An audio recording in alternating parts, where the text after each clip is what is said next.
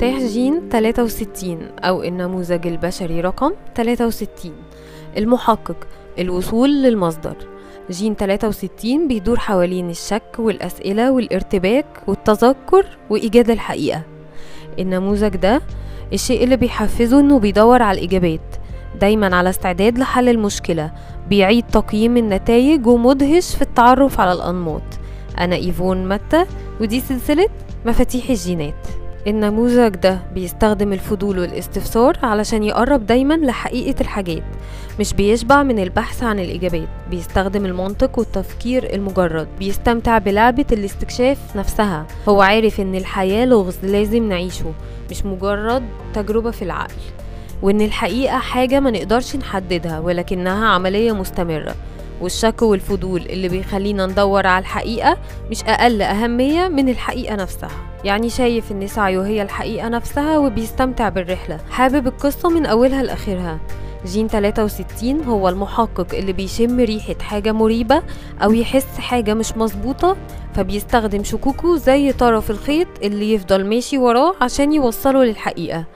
بياخد باله من الحاجات اللي الناس مش بتشوفها. عنده حدس عالي وهي دي موهبته. بيفكر في كل الاحتمالات. الموضوع بيبدأ معاه بإنه بيدور على إجابات شخصية خاصة بيه لكن في النهاية بحثه ده ممكن يوصل إنه يخدم الإنسانية كلها. هو فاهم كويس إن الحاجات مش زي ما هي بتبان دايما لكن دايما في حقيقة مستخبية وراها وثغرات واستثناءات من القاعدة.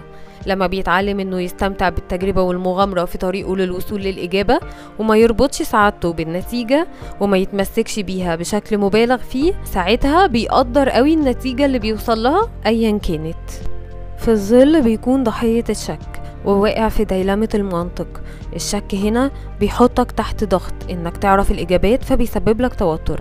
والتوتر ده بيخليك تلاحظ الأنماط اللي هي عبارة عن بيانات وأرقام وتتمسك بالتفكير جوه الأنماط دي علشان تحس بالأمان ولكنك مش بتلاقي غير توتر أكتر.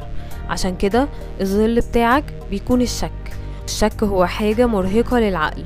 لأنه في الآخر الكون مش شيء خطي ومش كل حقيقة موجودة جوه الصندوق. في حقايق بره الصندوق ومش ممكن تفسيرها من خلال المنطق. الحياة عبارة عن لغز إحنا عايشين جواه ومن خلاله. مفيش حاجة اسمها الحقيقة العلمية. في اكتشاف علمي ورؤية علمية ولكن مفيش حقيقة أبدا. مفيش حاجة حسمنا أمرها للأبد. لازم يفضل التحقيق مفتوح. في اللحظة اللي هيكون فيها العقل ثابت في نظام أو هيكل محدود عندنا عقيدة وآراء. في نفس اللحظة هنكون عندنا انقسام حوالين الحقائق دي. بتتعامل مع ظل الشك بطريقتين. في الطبيعة القمعية بيكون عدم الثقة في النفس.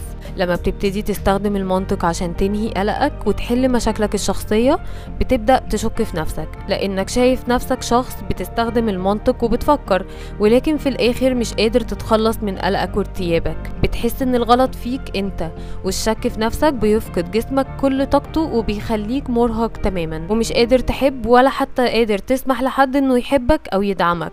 فكأنك بتقفل الدنيا على نفسك. أما الطبيعة التفاعلية فبتكون عدم الثقة في الآخرين. بتعكس شكك في نفسك اللي جواك لشك في كل حاجة حواليك وكل الناس والعلاقات اللي حواليك وشك في المواقف اللي بتحصل لك. فممكن مثلا تجمع أنماط حوالين علاقة معينة في حياتك وتحلل الأنماط والبيانات اللي قدامك فتبتدي تشكك في نية الشخص التاني.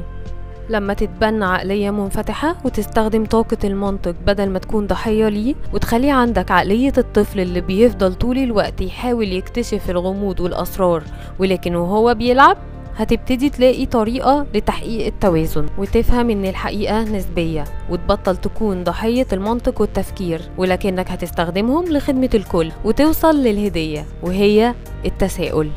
كل ما زادت درجة وعيك كل ما زادت علامة الاستفهام جواك. لمعرفة نفسك والوصول لحقيقتك. أما في المستوى الثالث فبتوصل للحقيقة وهي متعلقة بالاستسلام. لما بتدرك إن المنطق مش هو الحقيقة بتستخدمه في مكانه الصحيح وساعتها الشك بينتهي من كل كيانك.